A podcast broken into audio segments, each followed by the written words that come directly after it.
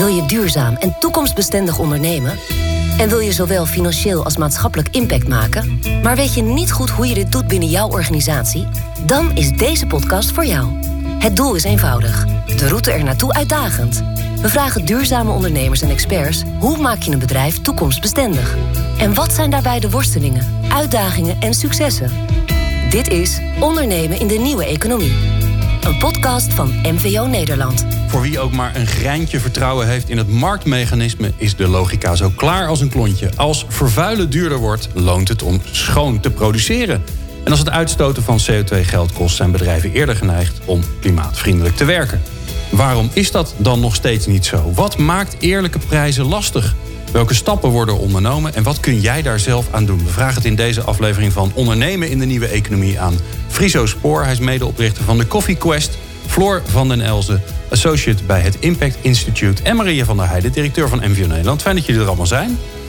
Ja, Maria, uh, een beetje traditiegetrouw. Waarom hebben we dit over, dit onderwerp? Waarom staat dit op die nieuwe businessagenda als een van de zeven belangrijke punten?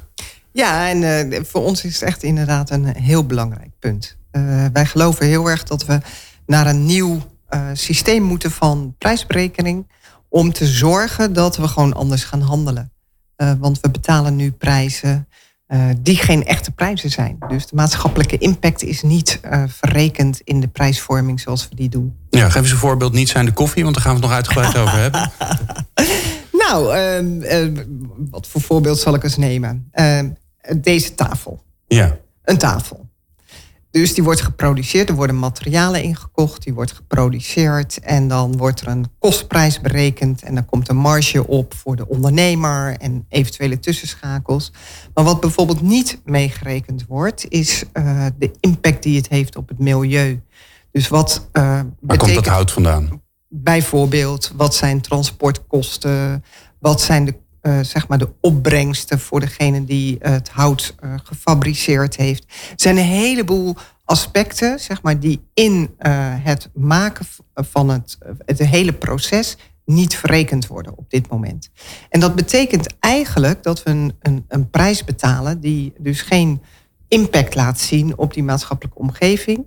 En dat maakt ook dat we nou ja, tafels kunnen kopen voor nou, wellicht 20 euro. Uh, omdat al die kosten die uh, ook wel echte kosten zijn, niet verrekend zijn. Maar die komen ergens anders terecht. Waar die komen wij ergens anders zien. terecht, precies. En zeker als je dan de tafel ook nog eens een keertje uh, niet kunt hergebruiken, dan uh, wordt het afval en ook dat afval kost nauwelijks iets. dus ons hele systeem is niet ingericht op echte prijzen. Ja. En ik kan me voorstellen dat het effect daarvan is, is dat we daardoor eigenlijk verkeerde beslissingen maken als consument. We maken verkeerde beslissingen, we verbruiken veel te veel materialen, omdat die kosten niet bij onszelf terechtkomen, niet bij bedrijven, niet bij personen.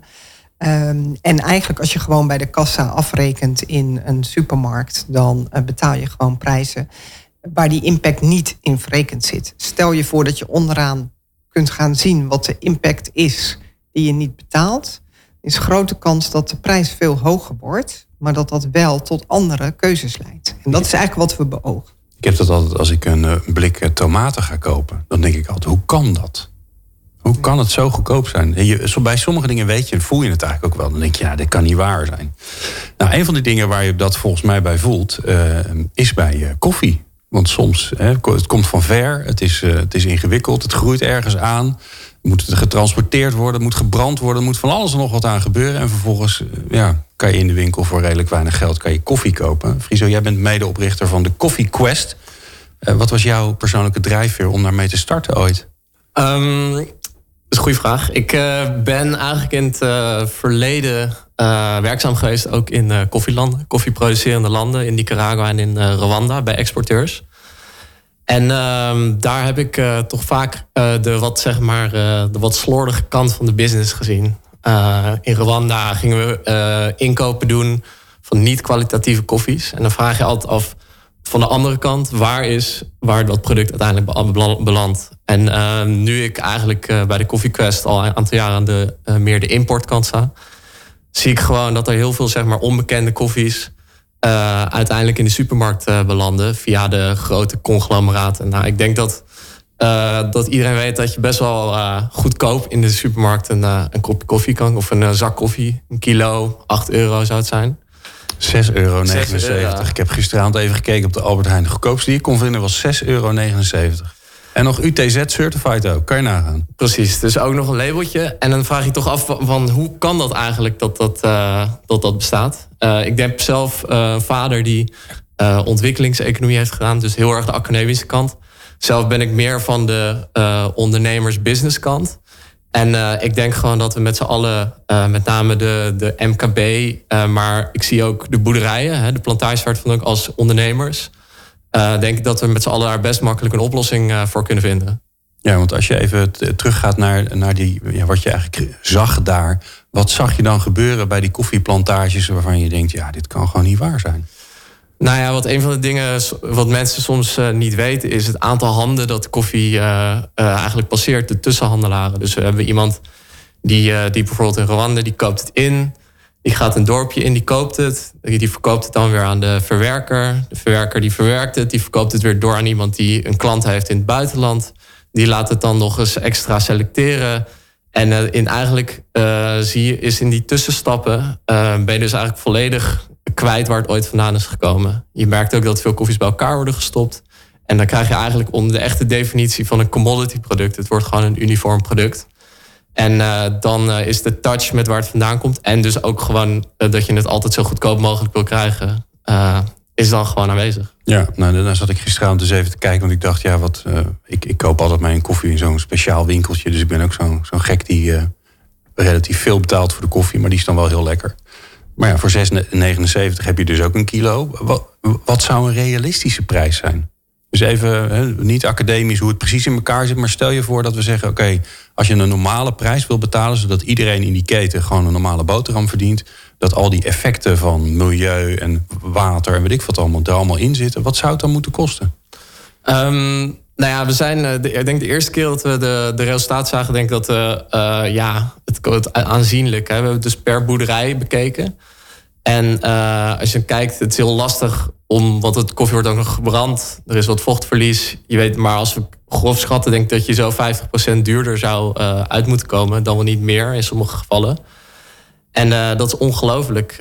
dat, dat kan ook een stuk beter als je echt inzicht hebt in, in wat er nou uiteindelijk gebeurt. Ja. dan, en het begrijpbaar maakt aan de klant. Dus als je voor jij loopt naar dat speciaal winkeltje en uh, je koopt een kop koffie. Over het algemeen heb je dan nog een kans dat er één iemand zegt van nou, misschien moet je eens naar deze kijken. Want... Ik koop een kilo voor 18 euro. Dus dat is, drie keer zo duur als bij de Albert Heijn, de goedkoopste zak. En is die, is die dan ook beter? Ja, ik vind hem wel veel lekkerder. Maar ik heb, het geeft vooral ook een heel goed gevoel. Omdat ik weet wat voor ellende achter die andere koffie zit. Ja, nou, wij zien vaak dat het hand in hand gaat. Dus uh, mensen die uh, echt op zoek gaan om zeg maar, via een, een, laten we zeggen, een transparante keten uh, de koffie uiteindelijk daadwerkelijk bij de markt te laten belanden. Dat dat ook mensen zijn die aan, bezig zijn met aandacht voor product. Dus dat ook de kwaliteit uh, daarbij vaak beter is. En ik denk dat het eigenlijk een soort van, ja, hoe noem je dat? Een, een, een, een, schip is om eigenlijk te zorgen dat je, je, dat je mensen ook meer laat betalen voor iets beters. Wij geloven echt wel in dat, dat je ook je moet krijgen waarvoor je betaalt. En er zit een soort van nuance in. Dat je dus net iets meer kwaliteit wil. Uh, net iets meer betaald voor, maar, voor de boer. Maar dat je dus ook voor zorgt dat alles uiteindelijk weer terug belandt bij de boer. Ja. Um, Floor, ja, die echte prijzen, dat is natuurlijk een spannende ontwikkeling. Wat er gebeurt. Ja. Um, ik heb altijd gelijk heel erg het gevoel dat het zo groot is. Hè? Dat het gaat over CO2-beprijzing. Dat het gaat over dat we eindelijk eens een keer uh, belasting op kerosine moeten gaan heffen. Al dat soort grote dingen waarvan ik denk, ja, ik vind het belangrijk, maar ik ik heb daar geen invloed op. Hoe zie jij dat? Ja, nou ja, ik denk dat jij er persoonlijk eigenlijk al invloed op hebt op het moment dat je er dus voor kiest om meer te betalen voor dat kilo koffie. Um, maar ik denk ook dat het eigenlijk juist voor de kleine, kleine en grote ondernemers, alle ondernemers, dat je eigenlijk iedereen die een product of dienst heeft, daar op een hele andere manier ook nog heel erg mee bezig kan zijn. Dus het gaat er eigenlijk om, ga eens nadenken over wat zit er in jouw product, wat gebeurt er in jouw product. We zien ook dat mensen over het algemeen die veel bezig zijn met hun eigen um, product, die weten het beste waar het mogelijk mis zou kunnen gaan. Vaak weten mensen wel ongeveer waar de, de crux gaat zitten. En op het moment dat je dat dan inzichtelijk hebt gemaakt en dat je gaat kijken van waar zitten nou de grootste kosten die nu op de maatschappij worden afgewikkeld, dan is dat eigenlijk ook gewoon een startpunt vanaf waar je kan gaan zorgen dat je die kosten gaat terugbrengen. Dus niet alleen het gaan betalen van de echte prijs, maar vooral ook het verlagen daarvan. Oké. Ja. Ja, dat is natuurlijk wel mooi. Dus het, is, het, het zorgt ook voor inzicht. Ja. Je denkt, hé, hey, wacht eens even, hier gaat iets niet goed. Ja, exact. En het is iets wat je ook, uh, wat ook gewoon het verhaal is van je product. Dus ook iets wat je kunt gaan vertellen. En uh, wat eigenlijk onderdeel moet zijn, zoals Fries ook zegt, onderdeel van het verhaal. En het is onderdeel van je prijsopbouw, ook in de manier waarop je communiceert richting je klanten en je, uh, je omgeving. Ja, nou, nou is het natuurlijk makkelijk gezegd om te zeggen, nee, je moet echte prijzen gaan rekenen. Vervolgens is dan de vraag, ja, wanneer is iets een echte prijs? En dan kom je al snel in rekenmodellen, inschattingen. Ik bedoel, ja, wat, wat, wat is de waarde van een beter leven van een koffieboer ergens ver weg? Hoe, gaan jullie daarmee om? Want jullie hebben daar verstand van. Ja, ja zeker. Nou ja, dat is, uh, dat is ook, ook wel echt ingewikkeld. Dus uh, we kunnen niet zeggen dat het niet complex is, want dat is het gewoon wel. Um, maar we proberen het wel heel makkelijk te maken door te zeggen: we gaan uit van dingen waar we het allemaal over eens zijn. Dus we gaan uit van de universele rechten van de mens. En we gaan uit van internationale klimaatconventies die er zijn afgesloten en andere natuurconventies. Dus we zeggen eigenlijk, dit zijn dingen waarvan we het allemaal erover eens zijn. Hier moeten we ons aan houden. En vervolgens gaan we kijken hoe ver zit de huidige situatie in zo'n waardeketen af van deze dingen die we al met z'n allen hebben afgesproken. Ja. En vervolgens gaan we dan kijken, oké, er is één situatie waarin bijvoorbeeld cacao wordt verbouwd, um, waar je niet aan de mensenrechten wordt gehouden. Dus er vindt bijvoorbeeld kinderarbeid plaats of Mensen worden onderbetaald. Um, er gaat uh, veel kunstmest de grond in, waardoor de bodem verarmt. Voorbeelden van, van impacts uh, die nu op de maatschappij worden afgewenteld. Um, en wij gaan dan kijken hoeveel zou het kosten om terug te gaan naar een situatie die wel in lijn is met die afspraken die wij allemaal hebben gemaakt. Ah, dus je kijkt eigenlijk hoe je weer terugkomt bij datgene wat we ooit afgesproken hebben. In plaats van dat je zegt, hé, hey, dit is de dit is wat die schade waard is of zo. Dus het is meer de herstelkosten die je berekent. Exact. Ah, okay. Dus je wil eigenlijk altijd kijken op het moment dat wij dit, kunnen, dit effect kunnen terugdraaien, dan willen we die kosten betalen. Maar goed, je kunt natuurlijk op het moment dat je een kinderarbeider uit die workwist weer in de schoolbanken zet, dan is dat effect niet weg. Dan heeft iemand gewoon een jaar lang gewerkt en is dat, die persoon moet ook nog gecompenseerd worden. Dus de effecten die je niet direct kan terugdraaien, dus niet kan remediëren, Um, daarvan zeggen, daar moet je compensatie voor doen. En je moet vooral ook naar gaan kijken... Um, op wat voor manier ga je ervoor zorgen dat het niet nog een keer gebeurt. Het klinkt een beetje als, uh, als het hele vak van risicomanagement. Dus je schat eigenlijk in wat je, ja, welk probleem je hebt, welk herstelprobleem je hebt als het misgaat. En daar ga je acties op ondernemen. Ja, exact. Jeetje, Mina, ik dreig te gaan snappen. Uh, Maria, er zit ook veel op dat hele grote gebied. Hè? Wat doen ja. jullie daaraan vanuit MVO Nederland? Um, nou, ten eerste hè, de, de praktijkvoorbeelden ondersteunen. Dus we hebben een innovatieproject met een heleboel uh, uh, mensen uit de keten. Um, ja, van koffie. Een consortium, zoals dat ze dat mooi noemen. Ja. Iedereen is bij elkaar gekomen om er wat aan te doen. Ja, dus een True Cost Accounting innovatieproject. Uh, Future Proof Coffee Collective noemen we dat. En er zitten zo'n 30 partijen in. Ja, inmiddels wel. En ja. uh, meer volgens mij nu. Ja, dus dat is echt bedoeld om met een, uh, een sector, in dit geval de koffiesector, te kijken van hoe komen we nou tot echte prijzen. En True Price doet daar ook in mee. Om de expertise te verbinden. En wat wij dan doen, is eigenlijk al die partijen aan elkaar knopen. Om samen zeg maar aan innovaties te werken. En inzichten te krijgen, te leren. En dan is onze rol ook om dat vervolgens uh, uh, kenbaar te maken, om daar echt uh, bekendheid aan te geven. Nou, dit soort podcasts ook te maken, om te zorgen dat meer mensen snappen hoe dat werkt. Dat is ook een rol. En we hebben een lobbyrol. En dat betekent dat we echt pleiten voor die echte prijzen, dat dat ook ingevoerd wordt. Voor ons is dat een heel belangrijk lobbyonderwerp, zowel in Den Haag als in Brussel. Dat we gewoon naar een andere prijsvorming gaan en ook naar een aangepast belastingssysteem. Omdat vanuit die echte prijzen je dus eigenlijk de, de milieu-impact echt uh, en, en, de impact op mensenrechten, heel terecht dat je dat ook aanvult, uh, Floor. Dat je dat laat zien en dat je dus daarmee naar een ander economisch systeem gaat, maar wat zich ook vertaalt in een andere belasting. Dus de belasting op arbeid kan wat ons betreft omlaag. En de belasting op uh, het onttrekken van grondstoffen en het vervuilen, die moet omhoog. Mooi. Nou, waar ik zo heel benieuwd naar ben, is uh, uh, als je dan met echte prijzen wil gaan werken, dat is natuurlijk een prachtig streven. Maar ja, als de concurrent het niet doet, hoe zorg je dan dat je wel het verkoopt? Dat hoor je zo. Meer lezen, luisteren en kijken? Ga dan naar de nieuwe businessagenda van MVO Nederland. www.nieuwebusinessagenda.nl De studio Friso Spoor, medeoprichter van de Coffee Quest... Floor den Elze, eh, van den Elze van uh, het Impact Instituut... en Maria van der Heijden van MVO Nederland. We praten over echte prijzen. En Friso, jullie um, proberen zoveel mogelijk die echte prijzen te rekenen. Maar ja, de concurrenten doen dat niet. Dus hoe zorg je dan toch dat, je, dat klanten voor jou kiezen? Is een, uh, is een goede vraag. Um, ik denk dat het goed is om uit te leggen uh, waar wij zitten precies in de keten. Wij uh, verkopen namelijk aan koffie branders. Dat betekent dus dat we eigenlijk met groene of het ruwe product werken.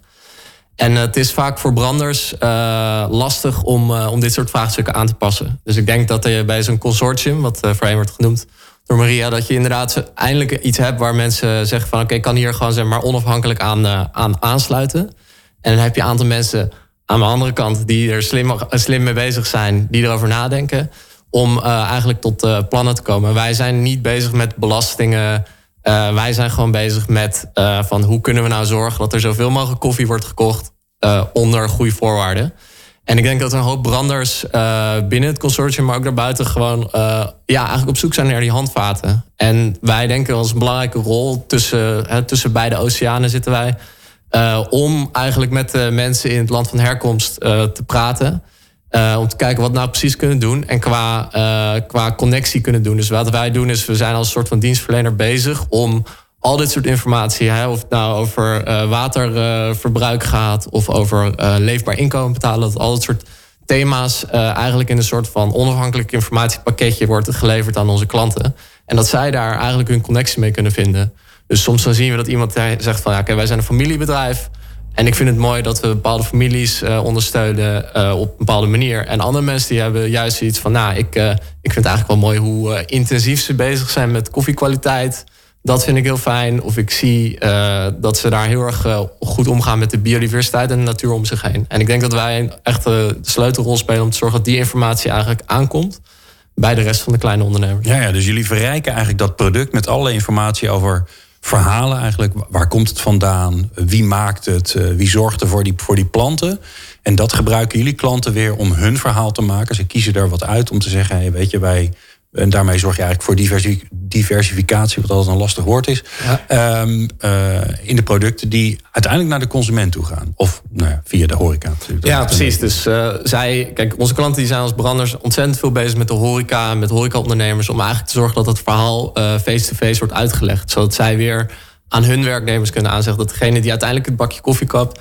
ook net even dat zinnetje erbij kan geven van dit is om deze reden. ligt dat bij ons in de schappen. Um, en wij zijn aan de andere kant dus bezig om te zorgen dat ze eigenlijk de mogelijkheden om, uh, hebben om het juiste verhaal met de juiste koffie uh, bij hun uh, nou ja, te doen landen. het is heel interessant, want er zijn eigenlijk ontzettend veel koffieproducenten. En we krijgen nog wel eens de vraag van hoe kom je dan eigenlijk bij die koffieproducenten? Hebben we het over landen als Ethiopië, Colombia. Maar er is gewoon een wereld van koffieproducenten die eigenlijk gewoon volledig zeg maar onder het niveau van goed leefbaar inkomen leeft. En eigenlijk ja, heb je het over de telers zelf. Ja, de telers zelf. Die de plantages, hele kleine plantages, middelgrote plantages, die gewoon op zoek zijn naar een manier om te zorgen dat zij uh, eigenlijk vooruit kunnen. Want ook zij uh, zitten vast, vaak vast aan een soort van de catch-22. Dat je, je hebt weinig inkomen, dus het is dus lastig om het aan bepaalde uh, zaken uit te geven om eigenlijk te verbeteren. Dus we proberen met z'n allen eigenlijk stap voor stap hieraan te werken. En het is heel belangrijk eigenlijk dat het langetermijnsgedachte uh, leeft. Dus als, jij als consument bijvoorbeeld ziet van oké, ik wil gewoon, hè, ik, wil, ik vind deze koffie lekker, ik begrijp dit. Uh, de brander heeft hetzelfde, de importeur heeft hetzelfde. En op die manier krijg je eigenlijk een langdurige relatie. En dan voelt iemand, een koffieproducent zich misschien niet genoodzaakt om naar de bank te gaan. Vertrouwt, uh, die zich niet in de schuld, zeker vertrouwt in wat er gaat gebeuren. En op die manier kleine aanpassingen kan doen aan, aan hun boerderij. En nou kan ik me heel goed voorstellen, dat we hebben het over echte prijzen, dat, dat de transparantie dan naar alle kanten toe, eigenlijk alle, alle mensen waar jullie mee werken, alle partners, eh, bedrijven waar jullie mee werken, dat die heel belangrijk is. Hoe zorg je daar dan voor dat je daar heel transparant in kunnen, kan zijn? Ja, we gaan zelf uh, eigenlijk elk jaar op, op, zoek bij iedereen. En uh, we werken natuurlijk met uh, netwerkpartners. dus we hebben exporteurs of consolidators die eigenlijk voor ons zorgen dat zij die tussenpersoon zijn voor informatie en koffie. Zelf hebben we een, een dochteronderneming in Colombia, die zowel exporteert als koffie inkoopt. En ook eigenlijk de hele reeks doet van trainingen aan producenten. hebben we het over farm visits, bezoeken. En eigenlijk groepstrainingen en van allerlei projecten eraan proberen te koppelen. Zodat mensen eigenlijk daar kunnen, kunnen inhaken. Maar laten jullie dan zien, weet je, van de, eh, de 100 euro die je bij ons uitgeeft, gaat zoveel procent hierheen, zoveel procent daarheen. Dit gebruiken we voor trainingen. Dit is de inkoopprijs die we teruggeven aan de boer. Laat je dat dan zo op die manier zien? Ja, dus we zijn eigenlijk bezig met twee dingen. Um, je hebt voor marketing heb je simpele grafiekjes nodig. Dus dat is de simplificatie van een moeilijk verhaal. En aan de andere kant zijn we bezig met uh, blog, blogs schrijven om context te schetsen. En dan hebben we het over mensen die echt een stapje extra willen zetten om meer informatie te achterhalen. En ik denk dat het belangrijk is om beide te hebben. Want één is namelijk iets snels dat je ziet. Uh, en denkt van oké, nou dat is mooi. Er is meer, meer 60% van de waarde blijft achter bij de boer. Dat, dat klinkt goed. En aan de andere kant heb je uh, de mogelijkheid om echt uh, prijsopbouw te onderzoeken. Van, want er zijn natuurlijk meerdere facetten die komen kijken. Niet alleen een ingewikkelde berekening. Wat blijft een, een, eigenlijk een momentopname. Die eigenlijk, die, nou ja, die, die vragen die moet je elk jaar stellen. Hè, hoe gaat het ermee? Um, maar ook uh, bijvoorbeeld uh, koerswisselingen. Hoe verhoudt dat zich? Dat was de discussie die ik uh, laatst had. Van moeten we niet, met welke koers gaan we dan het terugrekenen naar een euro per kilo? Ja. Dus dat soort dingen, dat, dat, dat willen we simplificeren. want daar gaat het ook helemaal niet om. Het gaat uiteindelijk om dat de basisverdeling. En denk ook de, de motivatie. we vragen ook wat meer contextvragen. Zoals van waar, is het, waar de boer er trots op is. En uh, op die manier kan het eigenlijk dat soort stukjes informatie doorgecommuniceerd worden. Ja, uh, Floor, nou kan ik me voorstellen dat de luisteraar denkt... ja, dat is leuk met koffie, maar dat is een hip product. Hè. Dan willen mensen ja, het klinkt als koffie is koffie, maar dat is natuurlijk niet meer zo. Hè. Iedereen wil uh, leuke linksdraaiende Ethiopische gefermenteerde, weet ik veel wat, uh, koffie drinken. Dus ik daar, wel, ja. Hè, ja, jij wel, ja, zie je. Ja, als, je als je een baard hebt in ieder geval wel. Uh, als hipster. Jij natuurlijk niet. Nee. Maar, maar, um, maar als je nou dat niet hebt, hè, dus je hebt een product waar die, waarvan eigenlijk waarvan je kan zegt, zeggen, nou ja, het is precies hetzelfde als wat de concurrent doet. Alleen ik laat die echte prijzen wel zien en, en de concurrent niet. Hoe ga je daar dan mee om? Nou ja, ik denk het feit dat je dat doet maakt al dat het niet precies hetzelfde is. Dus het feit dat jij die moeite hebt genomen om uh, je keten in te duiken om te kijken van wat is mijn effect, dat is eigenlijk al stap één. Dus daarmee heb je al laten zien en dat is eigenlijk ook al iets waarin mensen een onderscheid kunnen maken. Dus waarin de consument kan denken, wil ik gaan voor diegene die daar niks over zegt, of wil ik gaan voor transparantie in die zin? En het tweede is denk ik dat op het moment dat je dat doet, um, ik denk dat iedere um, ondernemer dat moet herkennen. Op het moment dat je die informatie hebt, dan moet je daar wat mee. Het is niet vrijblijvend. Ja. Zo gauw als je, als je meer informatie ziet over hoe je je product daarin kan verbeteren of je dienst, dan is dat ook iets waar je mee aan de slag gaat. Um, dus ik denk dat op het moment dat jij dat inzicht hebt en een ander heeft dat niet, dan ben je daarin al onderscheidend. Um, en het geeft ook gewoon een heel mooi perspectief om te gaan nadenken van wat is mijn toekomstig product. Dus dit is wat er nu is, maar wat gaat er over een tijdje staan?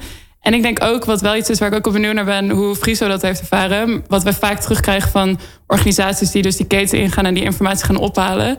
Is dat ze ook op een heel ander niveau um, eigenlijk in gesprek komen met hun ketenpartners. En dat je echt als een keten gaat kijken, natuurlijk doen jullie dat al, deden jullie dat daarvoor ook al heel veel. Uh, maar dat krijgen we vaak terug dat je meer als keten gaat kijken naar je product. En dat je ook op, achter informatie komt, vooral aan de uh, kant van de origine of aan de producerende kant, die je eerder eigenlijk niet ophaalde. Waar je ook weer heel veel nieuwe inzichten uithaalt. Die niet alleen voor het duurzame aspect positief zijn, maar ook gewoon waar je ook weer business uit kan halen. Ja, Friso, ja dat, klopt, dat klopt zeker. Ik, uh, wat we hebben gezien is dat, dat eigenlijk uh, je erachter komt welke partner nou eigenlijk een visie met je deelt. Het is namelijk niet makkelijk om de bergen in te gaan naar voor plantages op zoek te gaan. Heel, een hele hoop vragen te stellen. En dan hebben we het over een, een, meer dan een uur bij bezig per persoon. Om al dat soort vragen te stellen. En ja, mensen moeten daar wel bereid tot zijn. Dus dat kan je deels inrichten door uh, te zorgen dat je uh, wat compensatie uh, realiseert. Maar eigenlijk uh, heb je gewoon bereidbaarheid nodig om die moeite te willen doen. En dat is denk ik dat stukje visie. Dat ze ook begrijpen dat aan de andere kant van de wereld ook mensen zijn die dat soort informatie misschien wel interessant vinden. Nou ben ik eigenlijk benieuwd, een andere vraag. is de andere kant op. Want wij halen ontzettend veel informatie uh, op... Mm -hmm. waar de klant niet op zit te wachten. Ja. Dus wij, wij, wij doen gewoon een soort van gooi van dit is wat we denken volgens het model. Dit zijn de, hè, de thema's waar we het over hadden. Van die, die voor iedereen begrijpbaar zijn. Van dat zijn duurzaamheidsthema's. Maar we vragen natuurlijk ook van, uh, ja, waar is iemand trots op? Misschien is dat wel helemaal niet wat mensen willen weten. Um, dus ik ben heel benieuwd, zijn er niet ook initiatieven in de markt die ook de andere kant op redeneren, waarin de consument aangeeft wat voor informatie ze eigenlijk weten, willen weten. En of dat ons misschien ons leven uh, iets makkelijker zou kunnen maken en wat schaalbaarder. Ja, nou, Floor of Maria, ja. heb je. ja? Nee, misschien ja, Maria eerst. Ja. ja, ik wilde wel wat over zeggen, want je noemde het zelf al zo mooi. Je hebt de marketingkant en je hebt de, uh, meer de, de intrinsieke, inhoudelijke, diepe kant. Hè? En die marketingkant is super relevant. Uh, want behalve, want je noemde het net kleine bedrijven, maar ik denk juist door de samenwerking van een aantal MKB'ers, en vaak vindt innovatie plaats in het MKB, uh, maak je ook schaal en worden hopelijk andere bedrijven daar toch wat ongemakkelijk over. En de kunst is dus ook, en zo zien we dat wel vanuit MVO Nederland, om die Futureproof uh, Collective, uh, de Coffee Collective, om dat ook te vermarkten. Om te zorgen dat we zichtbaar maken wat dat betekent als je met echte prijzen werkt. En dat je dus daarmee koffie koopt die een boer een, een, lang en gezond leven en de volgende generaties ook, ook biedt. En dat de natuur daarmee een stuk opschiet. En nou ja, van alles en nog wat. Dus het verhaal vertellen, het vermarkten is super belangrijk. En ik geloof ook echt dat we die expertise nou ja, goed aan ons moeten verbinden om daarmee uh, het systeem te veranderen. Ja, Floor, die, die pool vanuit de, vanuit de consument, ja. die gewoon roept je, maar dit wil ik weten. Ja. Waar zie je dat gebeuren? Nou ja, ik denk, um, wij zijn sinds 2012 hiermee bezig. En we zien echt dat het, dat het gigantisch aan het groeien is. Dus dat het steeds verder komt. En we zien ook dat het de afgelopen jaren echt in een stroomversnelling is geraakt. Um, we hebben afgelopen oktober is dat eind 2019 een, winkel geopend in uh, Amsterdam. Waar we um, de echte prijs ook mensen in staat stellen om de echte prijs te betalen. In ieder geval deels. En daar zie je wel dat mensen daar um, nou ja, gewoon heel enthousiast over worden. Want dat is echt een stap die je kan gaan zetten. Um, en juist, we zeggen eigenlijk, ja, in eerste instantie wil je transparantie bieden over je echte prijs. En vervolgens wil je die remediëring, dus eigenlijk die herstelkosten, wil je gaan betalen. En je wil ervoor zorgen dat die ook daadwerkelijk terecht gaan komen bij uh, de mensen die, die, um, waar die kosten gemaakt worden op dit moment. En um, dat is ingewikkeld, maar dat zien we eigenlijk als een volgende stap. En ook hoe je die consument mee gaat krijgen, is door gewoon te gaan vragen: wil je het betalen? Ja. Dit is de prijs. Ja. Um, ik kan hier op deze knop drukken op mijn kassa en dan komt hij er bovenop. En dan gaan wij ervoor zorgen dat hij goed terechtkomt. Um, en dat doen we op dit moment voor onder, uh, onderverdiening. Dus uh, mensen die geen leefbaar inkomen kunnen verdienen. En voor klimaatverandering en dan voor een aantal producten die we goed in kaart hebben. Maar dat is wel het idee waarvan wij zeggen: zo moet je die consument moet je wel mee gaan krijgen. Want je moet gewoon uiteindelijk erachter komen: zijn jullie bereid om nu al die stap te zetten? En tot nu toe, we hebben natuurlijk daarin een sample van de mensen die op ons afkomen. Maar tot nu toe is het antwoord erop eigenlijk overweldigend ja. Mensen zijn daar, daartoe bereid. Dus ja, dat is, uh, ja. ja.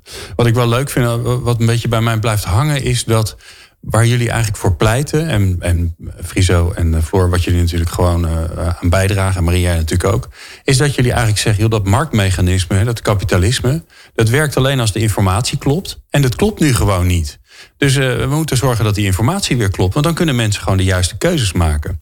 Uh, waar ik zo met jullie graag naartoe wil, en dan kun je er nog even een paar seconden over nadenken, is. Ik ben ondernemer of ik werk bij een onderneming en ik wil morgen wat gaan doen. Welke tip heb je voor me? Door je zo. De snelste route naar de nieuwe economie voor jou als ondernemer... die vind je in de Nieuwe Business Agenda op www.nieuwebusinessagenda.nl. In de studio Friese Spoor van de Coffee Quest... Floor van den Elzen van Impact Institute... en Maria van der Heijden, natuurlijk van MVO Nederland...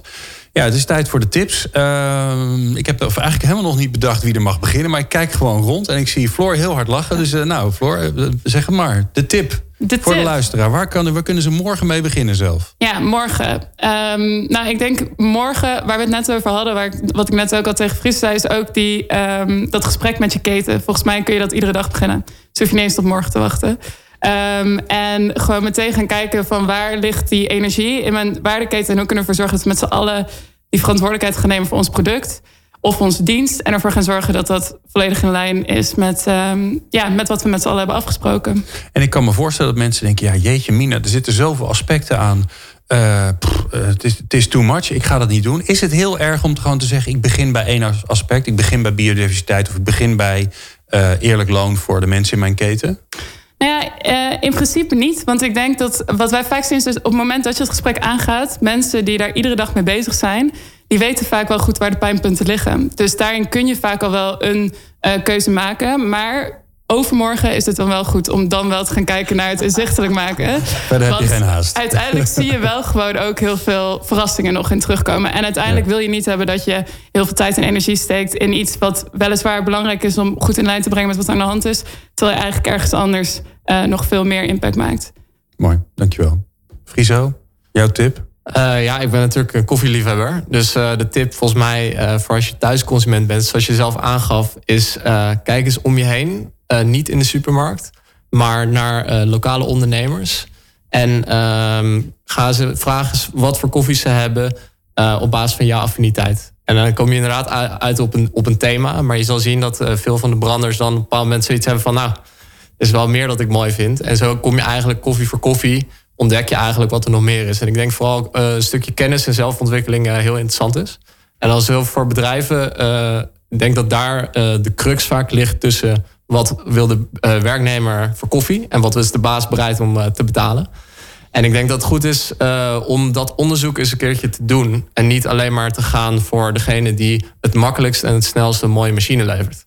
Want ik denk dat, dat als je iets meer focust op de koffie, dat er een hele hoop koffieaanbieders zullen zijn die, dus die wel met dit soort thema's bezig zijn. En eigenlijk niet heel ver per se afliggen van, uh, van wat de baas is bereid te betalen. Ja, en het is een relatief goede, goedkope secundaire arbeidsvoorwaarde. Hè? Want, uh, en essentiële levens, levensessentie. Nou, dat, dat natuurlijk. Maar uh, er is ook mooi onderzoek gedaan dat lekkere koffie in je organisatie zorgt voor gelukkigere mensen. En gelukkigere mensen leveren beter werk. Dus wat wil je nog meer? Precies. Maria, mag jij uitsmijten?